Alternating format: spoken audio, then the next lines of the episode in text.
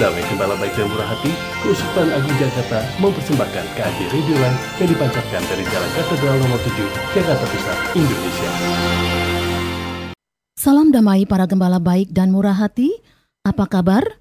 Semoga Anda selalu sehat, bahagia, dan penuh semangat.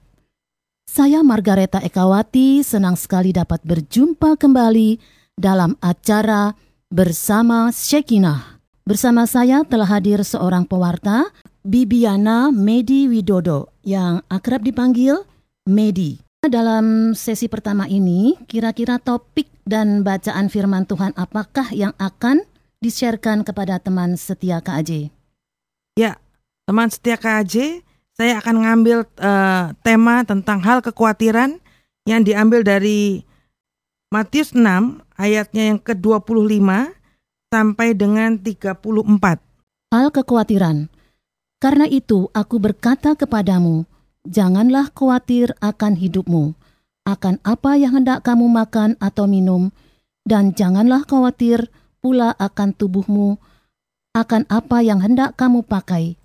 Bukankah hidup ini lebih penting daripada makanan, dan tubuh itu lebih penting daripada pakaian? Pandanglah burung-burung di langit yang tidak menabur dan tidak menuai, dan tidak mengumpulkan bekal dalam lumbung, namun diberi makan oleh Bapamu yang di surga. Bukankah kamu jauh melebihi burung-burung itu? Siapakah di antara kamu yang karena kekhawatirannya dapat menambahkan sehasta saja pada jalan hidupnya? Dan mengapa kamu khawatir akan pakaian? Perhatikanlah burung bunga bakung di ladang yang tumbuh tanpa bekerja dan tanpa memintal.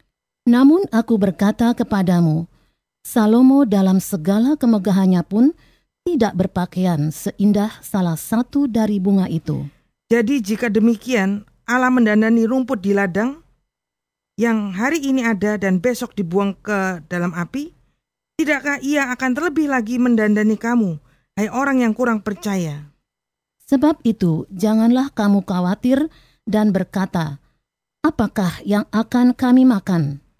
Apakah yang akan kami minum? Apakah yang akan kami pakai? Semua itu dicari bangsa-bangsa yang tidak mengenal Allah. Akan tetapi Bapamu yang di surga tahu bahwa kamu memerlukan semuanya itu. Tetapi carilah dahulu kerajaan Allah dan kebenarannya, maka semuanya itu akan ditambahkan kepadamu. Sebab itu janganlah kamu khawatir akan hari besok, karena hari besok mempunyai kesusahannya sendiri. Kesusahan sehari cukuplah untuk sehari. Demikianlah firman Tuhan. Terpujilah Kristus. Baik, teman setia KAJ, saya akan mulai membahas tentang hal kekhawatiran. Sebelum mulai, saya akan cerita satu hal. Suatu hari, lingkungan kami mendapat tugas untuk menjaga berdoa di kapel. Jadi setiap lingkungan kebagian jatah. Waktu itu dan lingkungan kami, lalu saya ikut dengan ibu-ibu ke kapel MKK Maria Kusuma Karmel untuk berdoa di adorasi di kapel. Saya cuma menggunakan waktu 20 menit, sedangkan ibu-ibu yang lain satu jam gitu ya. Karena saya ada keperluan untuk beli buku di, di bawah. Ketika saya turun ke bawah, ternyata tokonya tutup. Wah, saya bingung. Balik lagi ke atas nggak enak. Ya udah saya tunggu di tempat parkiran belakang. Saya nggak tahu struktur bangunan gereja saya itu gimana di tempat parkiran, tapi pada saat itu ketika saya lagi nunggu orang-orang kembali, ada sekumpulan burung gereja gitu ya. Mereka masuk, lalu mereka mulai berkicau dengan suara yang nyaring. Jadi saya seakan-akan mendengarkan satu konser yang gede gitu ya. Pada saat itu uh, tiba-tiba Roh Kudus tanya dalam hati saya begini, kalau anak bina iman nyanyinya gimana? Oh ya saya tahu. Burung pipit yang kecil dikasihi Tuhan terlebih diriku dikasihi Tuhan. Saya tersenyum. Lalu Roh Kudus tanya lagi gini, kalau orang besar nyanyinya gimana? Oh saya tahu, saya orang persekutuan gitu ya. Oh saya tahu Tuhan, gini lagunya.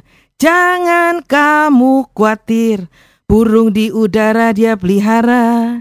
Jangan kamu khawatir, bunga di padang dia hiasi.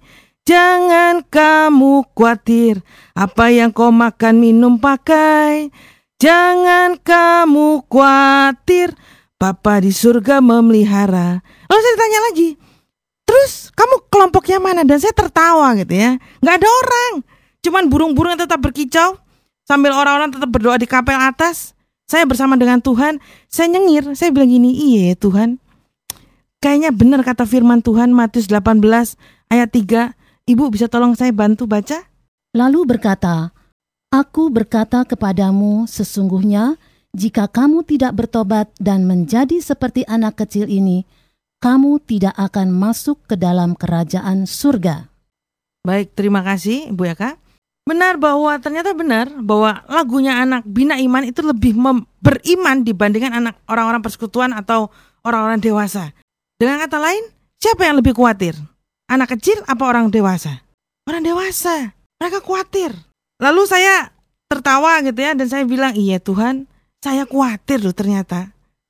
Tentang apa yang saya makan, apa yang saya minum, hidup saya gimana. Ada kekhawatiran yang tanpa sadar merasuki gitu ya. Nah, teman setia KJ beberapa waktu yang lalu saya ngalamin yang namanya khawatir, bener-bener khawatir yang bukan khawatir normal loh. Bener-bener khawatir. Sampai Tuhan bilang gini, coba belajar dari anak kecil. Mereka itu yang punya kerajaan surga. Mana ada anak kecil khawatir? Apa yang dia makan? Enggak. Yang khawatir bapak ibunya. Yang pusing orang tuanya. Mereka nggak khawatir sekolahnya gimana. Itu urusan papa mamanya. Tapi kita, saya, saya khawatir. Lalu saya coba buka. Buka gitu ya. Di, saya cari di Google, Mbak Google itu. Saya pikir apa ya khawatir itu. Lalu saya menemukan begini. Khawatir itu ada dalam bahasa Yunani. Saya tidak bisa sebutkan bahasa Yunaninya artikulasi saya juga ngerti, tapi tulisannya itu nerim now. Nerim now. Nah, nerim now. Lalu ketika saya baca di Mbah Google itu, saya perhatikan kalau orang Jawa, pasti orang Jawa ngerti. Kok mirip-mirip apa ya? Nerimo. Teman setia KAJ, apa ada orang nerimo yang khawatir? Nggak ada. Saya pikir iya benar juga ya Tuhan. Jadi nerim now itu artinya itu ditarik pada dua kutub yang berlawanan. Jadi yang satu ditarik ke kanan, satu ditarik ke kiri. Bayangkan, teman setia hadir tengah-tengah, yang tangan satu ditarik sama ke kanan dengan segala kekuatan, tangan ke kiri ditarik dengan segala kekuatan juga. Itu rasanya badan mau kepecah jadi dua. Dan itu yang dialami oleh orang yang merasakan kekhawatiran. Loh, tambah lama tambah parah. Tarikannya semakin lama semakin keras gitu ya. Lalu, jadi bayangkan bahwa orang yang khawatir itu seperti orang yang hidupnya di masa sekarang, tapi pikirannya itu ditarik kepada kemungkinan-kemungkinan di masa yang akan datang. Jadi ini kondisi orang khawatir. Hidupnya di masa sekarang, tapi pikirannya nggak di sekarang. Ditarik sama kekuatan-kekuatan, kekhawatiran-kekhawatiran di masa yang akan datang. Pikiran itu luar biasa menurut pendapat saya. Saya ingat ketika saya masih SMP apa SMA gitu ya, ada seorang wartawan dia bikin hak angket gitu ya di satu media tabloid tentang orang terkenal di dunia. Lalu gara-gara angket ini si wartawan itu ditangkap, diadili, dimasukkan penjara sekian tahun. Orang Katolik, setahu saya. Sekian tahun. Lalu ketika di penjara, dia bikin banyak tulisan, dia bikin banyak karya, ketika keluar dari penjara, orang yang tanya, Pak, kok ketika engkau di penjara bisa bikin buku, bikin puisi, bikin macam-macam? Lalu si wartawan ini bilang, oh iya, orang hanya bisa memenjarakan tubuh saya, fisik saya, tapi tidak pikiran saya. Dan ketika dia keluar, dia berkarya, bikin film, bikin sinetron, macam-macam. Hebat luar biasa. Saya pikir, benar juga ya, orang cuma bisa memenjarakan fisik, tapi tidak ada yang bisa memenjarakan pikiran. Problemnya adalah orang khawatir itu pikirannya yang ditarik kepada kekhawatiran-kekhawatiran yang akan datang. Nah, problem kan? Kita punya masalah sekarang. Karena begini, solusinya bagaimana? Karena pikiran nggak bisa dipenjara. Seperti kata Paulus, Ibu bisa tolong saya baca lagi? 2 Korintus 10 ayat 5b. Kami menawan segala pikiran dan menaklukkannya kepada Kristus. Baik, terima kasih. Coba bayangkan, Paulus saja tahu bahwa pikiran manusia itu tidak bisa dipenjara. Yang bisa dipenjara cuma fisik. Nah, karena Paulus tahu begitu liarnya pikiran manusia kalau tidak dikontrol, siapa yang bisa kontrol? Kita aja nggak bisa kontrol. Jadi Paulus bilang, aku menawan pikiran-pikiranku kepada Kristus. Aku tundukkan pikiran-pikiranku yang liar ini kepada Kristus. Teman setia KAJ, tahu bedanya antara ditawan dengan menawan. Jadi begini, teman setia KAJ, beda antara ditawan dan menawan. Ditawan itu berarti bukan karena keinginan kita ditangkap gitu ya. Tapi kalau menawan itu dengan kesadaran, dengan keikhlasan, saya mau ditangkap. Ditangkap Tuhan. Maksudnya apa? Jadi orang itu dengan sadar mau menyerahkan pikiran-pikirannya untuk ditahan, ditangkap oleh pikiran-pikiran Kristus. Ini kata Paulus gitu loh. Lalu solusi yang lain, gimana caranya supaya pikiran-pikiran kita tidak ditarik kepada kemungkinan-kemungkinan yang mengkhawatirkan gitu ya. Yang kedua itu adalah ada dalam Filipi 4 ayat 8 dan 9. Ibu bisa tolong? Ya. Filipi bab 4 ayat 8 sampai 9.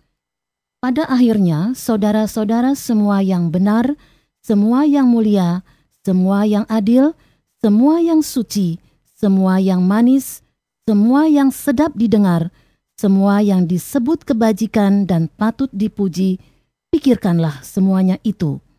Dan apa yang telah kamu pelajari, dan apa yang telah kamu terima, dan apa yang telah kamu dengar, dan apa yang telah kamu lihat padaku, lakukanlah itu. Maka Allah sumber damai kesejahteraan akan menyertai kamu. Baik, terima kasih. Jadi benar-benar uh, supaya kita tidak ditarik kepada uh, kekhawatiran-kekhawatiran masa depan gitu ya yang akan datang. Teman setia KAJ kita juga perlu melihat hal yang baik, dengar hal yang baik. Kalau orang kuno dulu bilang kalau orang lagi hamil gitu ya, pokoknya harus lihat yang cantik-cantik, yang ganteng-ganteng, dengar yang baik-baik itu bener loh. Sama firman Tuhan juga bilang, ngapain dengar yang jelek? Dengar aja yang baik. Karena firman Tuhan itu adalah kabar sukacita, kabar kebaikan, bukan kabar buruk. Jangan orang dengar firman malah stres, enggak. Kecaplah dan lihatlah betapa baiknya Tuhan. Dari mana? Dari firman. Ini yang Paulus bilang, iya ya benar ya. Aku masih nawan pikiranku, aku harus menyerahkan diri, menyerahkan pikiranku kepada Kristus untuk dipenjara. Supaya terkontrol pikiran-pikiran nggak benar ini. Supaya bisa dikendalikan pikiran-pikiran liar. Masalah itu adalah keadaan buruk yang sedang dihadapi saat ini. Itu masalah. Tapi kekhawatiran itu keadaan buruk yang belum tentu dialami atau terjadi. Orang tanya begini, kalau belum tentu terjadi, bisa terjadi enggak? Jawaban saya akan bilang gini, bisa iya, bisa enggak. Ayub bilang, Ibu bisa tolong Ayub 3 ayat 25? Karena yang kutakutkan itulah yang menimpa aku, dan yang kucemaskan itulah yang mendatangi aku. Baik, terima kasih. Jadi, seperti jawaban saya, bisa terjadi apa enggak? Bisa, tergantung. Tergantung teman setia KJ dan saya. Kalau kita pikirkan terus, kita cemaskan terus, jadi. Tapi kalau kita mikirkan yang indah-indah, yang baik-baik, dengar yang baik-baik, jadi enggak? Enggak. Jadi semua tergantung teman setia Kak Aji dan saya. Mau jadi jelek apa mau jadi bagus?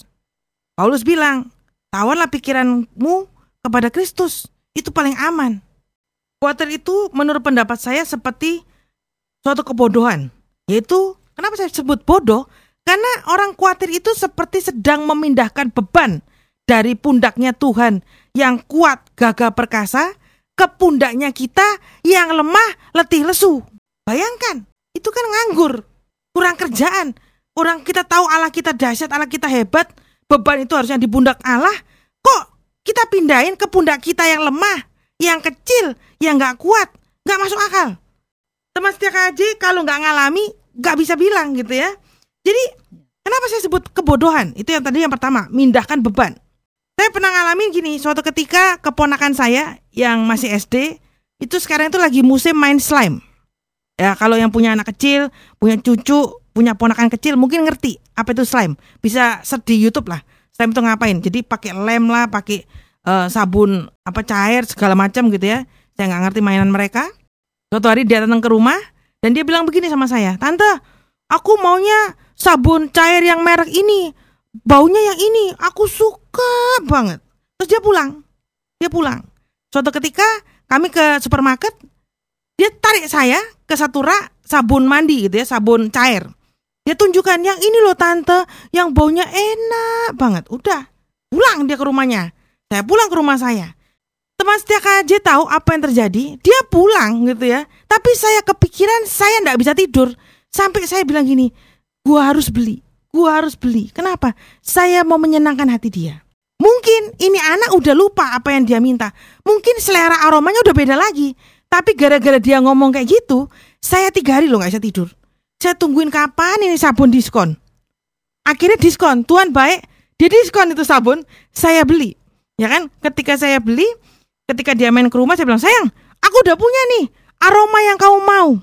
Pasti kamu suka." Dia bilang, "Tante, aku udah ganti aroma itu kan bener."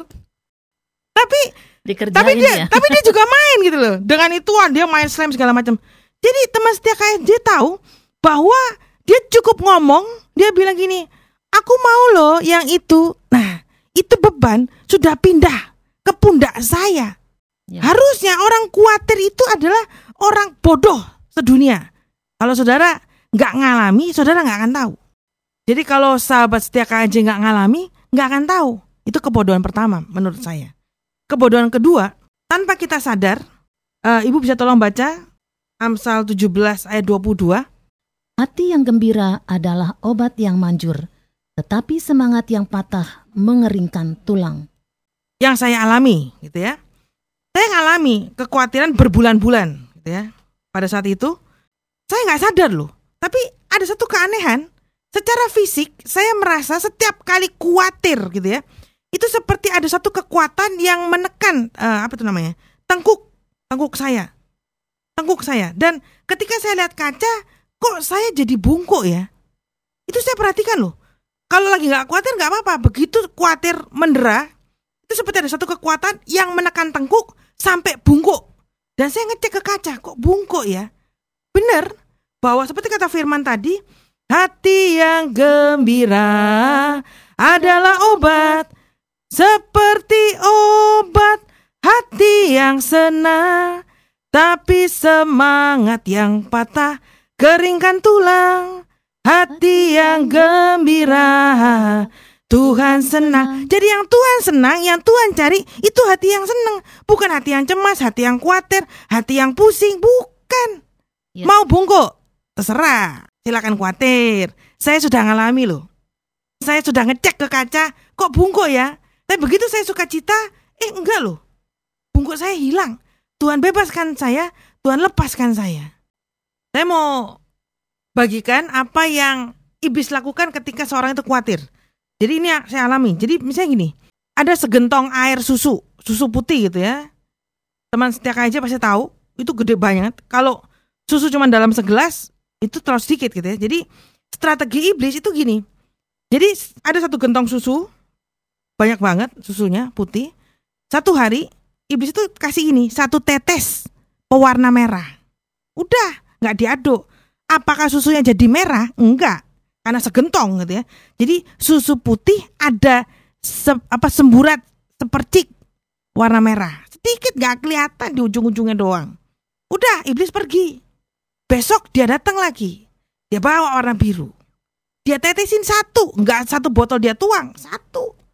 Udah, susunya jadi susu biru? Enggak. Susu putih ada semburat merah, semburat biru sedikit. Iblis pulang. Besok dia datang lagi, bawa warna hijau, ditetesin lagi, terus. Sampai suatu ketika, sampai itu kan anu kan mulai warna macam-macam, ungu, wah macam-macam kuning, coklat, hitam macam-macam. Dia lihat, nggak ngaduk, dia diam aja, dia lihat. Kalau umpan itu termakan, wah ini iblis mulai dia ambil udekan, dia ambil sendok, dia udek, dia aduk gitu ya, dia aduk terus, dia blender. Teman setia KJ saya mau tanya, susu itu kasih warna merah gitu ya, saya bilang gini, eh minum dong susu merah nih. Teman setia KJ mau minum nggak? Kira-kira? Mau pasti. Mungkin akan berpikir gini, oh susu stroberi. Tapi ini warna semua udah kecampur nih, udah diaduk, udah di blender. Warnanya nggak merah lagi loh, nggak hijau lagi loh, nggak biru lagi, nggak kuning lagi loh. Semua warna ditaruh di sana. Cuman setetes, setetes, setetes setiap hari. Warnanya apa kalau diaduk? Hitam. Lalu saya Hitam. kasih. Eh, minum dong susu. Mungkin teman setia aja kan bilang gini. Susu, nggak salah nih. Warnanya hitam gini dibilang susu. Jangan-jangan kopi sianida ini. ada yang mau minum? Wah, heh, sama berani minum racun. Nggak ada orang berani. Bayangkan, ini strategi iblis. Iblis nggak bakal ngaduk sampai benar-benar dia lihat umpan itu benar-benar dimakan. Itu khawatir. Itu cara khawatir. Cara, cara iblis memasukkan kekhawatiran. Pertanyaan Sedikit demi sedikit begitu ya. setetes demi setetes. Nggak langsung satu botol dia tuang nggak bakal. Kita tahu kok. Kalau satu botol dituang kita bilang wah ini setan kerjaan. Tapi kalau satu tetes siapa orang tahu? Susunya masih tetap putih loh. Cuma ada semburat sedikit. Warna merah biru hijau nggak kelihatan.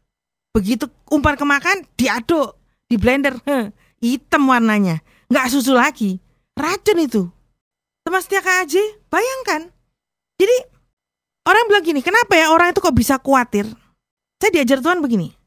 Kalau saya pikir benar juga, orang kenapa khawatir? Contoh, misal gini. Orang kalau punya masalah keuangan, katakanlah kebutuhan keuangan puluhan juta, ratusan juta sampai katakanlah 10 miliar. Ya kan, waduh gimana ya caranya ya? Mulai mikir kan? Apa yang bisa dijual ya? Oh, jual rumah, oh jual tanah, oh jual mobil, oh pinjam saudara, oh utang bank.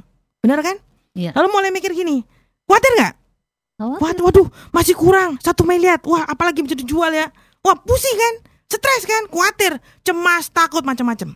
Tapi kalau punya eh, masalah dengan uang 100 miliar atau 1000 miliar, 1000 triliun deh, yang paling gede, stres nggak? Khawatir nggak? Saya pikir nggak juga, Nggak karena juga. terlalu besar sampai udah nggak bisa ngebayangin 1000 triliun tuh nolnya berapa ya? Kalkulator mana yang cukup ya? Saking sudah nggak bisa mikir, lalu doanya gini, wes Tuhan terserah deh. Aku sudah nggak bisa mikir. Kalau masih 20 miliar, aku masih bisa mikirin apa yang aku jual. 1000 triliun, apa yang dijual? Jadi teman setia aja bisa bayangkan. Jadi udahlah, Tuhan ini bebannya keberatan. Saya nggak sanggup. Udah pindah, pindah pundak, pindah pundak. Teman setia aja bisa bayangkan?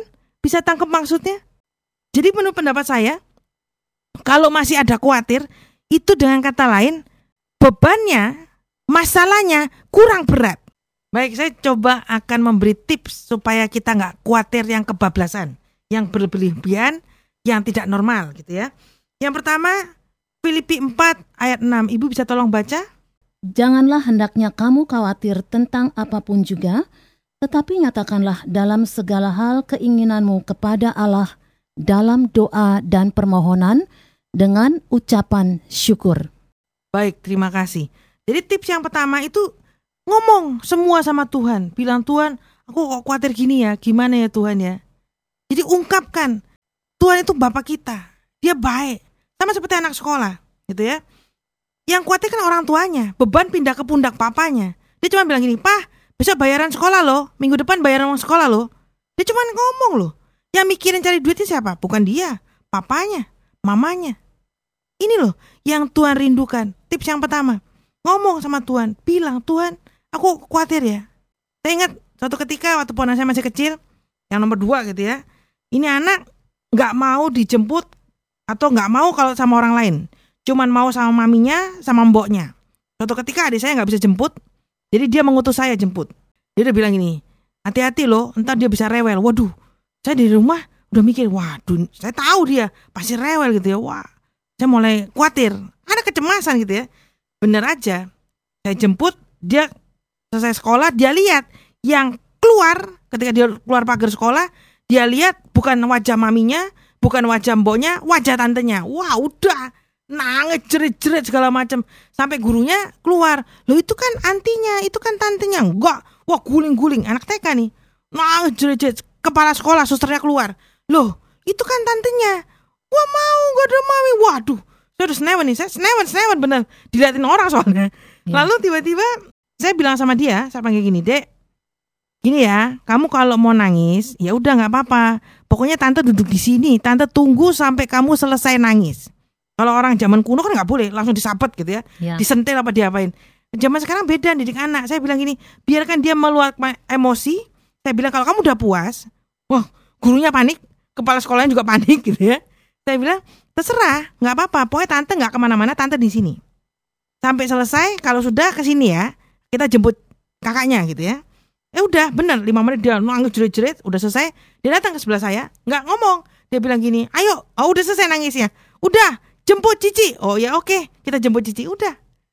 Jadi saya bilang sama Tuhan ini gimana anak kecil nangis jerit-jerit, malu-maluin gitu ya. Satu hal, ungkapkan semua kepada Tuhan. Pap, Tuhan Yesus itu papa kita. Dia tahu kok. Kita cuma ngomong, Tuhan, besok bayaran sekolah loh. Biar Tuhan yang mikir, biar Tuhan yang cari. Jangan kita pusing. Seperti kata firman, ketoklah, maka pintu akan dibukakan. Mintalah, maka engkau akan diberikan. Carilah, maka kamu dapat. Nah kalau kita nggak pernah ketok, nggak pernah minta, nggak pernah nyari, terus Tuhan yang suruh repot. Ya nggak bisa lah. Yang pertama. Tips yang kedua, doa. Dengan berdoa berarti orang itu merendahkan diri di hadapan Tuhan. Ya kan? Nggak ada orang doa petentang-petenteng sama Tuhan. Sok perkasa, ya nggak mungkin lah. Ketika seseorang berdoa, berarti orang itu mengakui bahwa dia tidak mampu. Dengan kata lain, orang itu berserah kepada Tuhan. Tuhan, aku udah gak sanggup deh. Aku nyerah deh. Seribu triliun Tuhan, sudah nggak bisa mikir. Kalau masih jutaan masih bisa kepikir, masih bisa khawatir. Berarti masalahnya berat gitu ya. Sampai seribu triliun, nggak bisa mikir, sudah terserah lah Tuhan. Aku berserah deh. Aku berserah. Terserah Tuhan, nggak tahu lah seribu triliun nyari di mana, pinjam di mana, apa yang dijual nggak tahu. Dengan berdoa, berarti orang yang berdoa itu punya iman akan Tuhan. Percaya akan kuasa Tuhan. Yang ketiga, tips yang ketiga, itu ngucap syukur atas penyertaan Tuhan. Teman setia KJ, saya kasih PR ya. Nanti baca, kalau punya waktu ya sempatkanlah bilangan 13 tentang cerita 12 pengintai. Gitu ya. Nanti baca sendiri aja. Saya kasih PR nih. Jadi yang tips yang ketiga, ngucap syukur atas penyertaan Tuhan. Musa memerintahkan 12 pengintai untuk mengintai tanah perjanjian sebelum rombongan ini masuk semua ke sana, ya kan?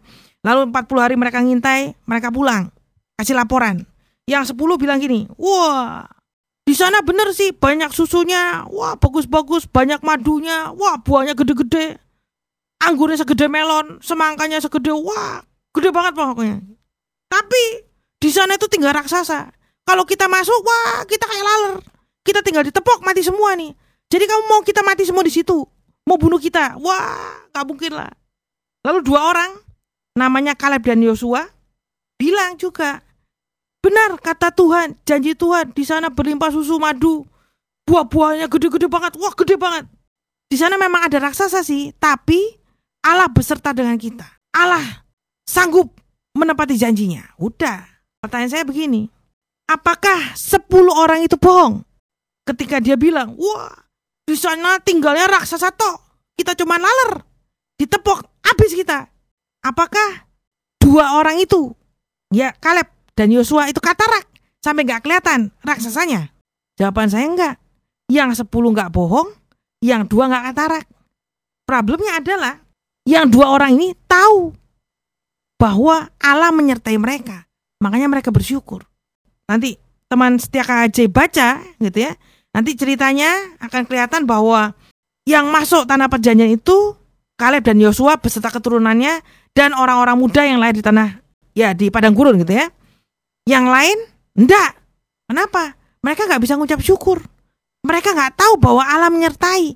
Yang kebayang di mata mereka cuma raksasa. Kembali lagi, pilihan di tangan teman setia KAJ dan saya. Tuhan udah tunjukkan jalannya.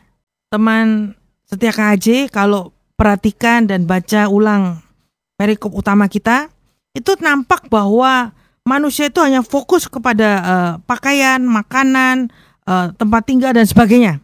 Sedangkan Tuhan itu lebih fokus kepada hidup itu sendiri. Manusia fokus nggak sama hidupnya? Enggak, nggak penting. Yang penting pakaianku apa, uh, makananku apa, rumahku gimana, mobilku gimana. Itu yang kita fokuskan. Sama seperti ayat 33 tadi. Di sana katakan bahwa carilah dahulu kerajaan Allah dan kebenarannya, maka segala sesuatu akan ditambahkan kepadamu. Nah, kebanyakan orang lebih senang cari tambahannya daripada cari kerajaan Allah. Sama konsepnya. Seperti yang tadi, kebalik semua nih konsep. Nah, saya punya satu e, cerita yang cukup lucu, pengalaman. Suatu hari, karena nggak ada supir, jadi mami saya mesti antar saya pelayanan. pada saat itu ada satu uh, apa pompa bensin yang lagi promosi. Pokoknya selama bulan itu kalau beli bensin dari jam sekian jam berapa ya saya lupa jam 9 sampai jam 6 sore itu promo dapat dapat dua botol soft drink pokoknya harus dalam rentang waktu 9 pagi sampai jam 6 sore udah pas mau nganter bensin itu sudah seperapat wah mami saya udah mulai senewan nih prinsip mami saya tidak boleh tangki bensin itu kurang dari setengah jadi begitu dia, lihat seperapat dia panik waduh lalu dia dia ingat uh, bahwa bensin ini punya promosi Lalu dia bilang gini, jam berapa sekarang? Setengah enam. Dia bilang gitu kan. Wah, masih nih promonya. Saya mikir gini, waduh, Jakarta kan macet. Ini kita masih start dari rumah. Saya pikir kita butuh waktu satu jam. Satu jam, satu jam setengah untuk sampai ke tempat pelayanan gitu ya. Lalu mami bilang, enggak, enggak, mami mau isi bensin. Wah gawat, bensin itu mesti muter balik. Wah macet gitu ya. Sudah pada, mi udah lah mi, nggak usah lah. Pulangnya aja deh kita isi cukup kok cukup. Mama saya bilang, iya cukup dorong lah kawan. pokoknya akhirnya kita berdebat gitu ya di mobil. Akhirnya mami saya menang. Dia bilang, enggak, pokoknya mami mau isi. Mami nggak tenang kalau bensinnya cuma seperempat. Saya bilang gini, mami, sebetulnya mami itu kan ada bawa bensin tempat lain, tapi mereknya lah beda gitu ya. Iya tapi nggak ada promosi alami, ngapain Tommy? Emang mobilmu bisa jalan dengan soft drink? Enggak, enggak, enggak, enggak. Akhirnya dia ngisi, dia ngisi kan. Udah ngisi, puas, dia tenang.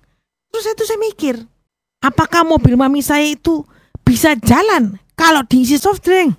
Enggak kan? Rusak yang ada itu mobil. Tapi dia tetap ngotot. Lalu saya memikirkan tentang kerajaan Allah ini. Tentang firman ini. Saya mikir iya ya Tuhan. Orang itu lebih mikir tambahannya. Padahal inti utama gini. Kalau kamu beli bensin jam sekian sampai jam sekian. Mobilmu jalan kan? Mobilmu aman kan? Tak kasih tambahan.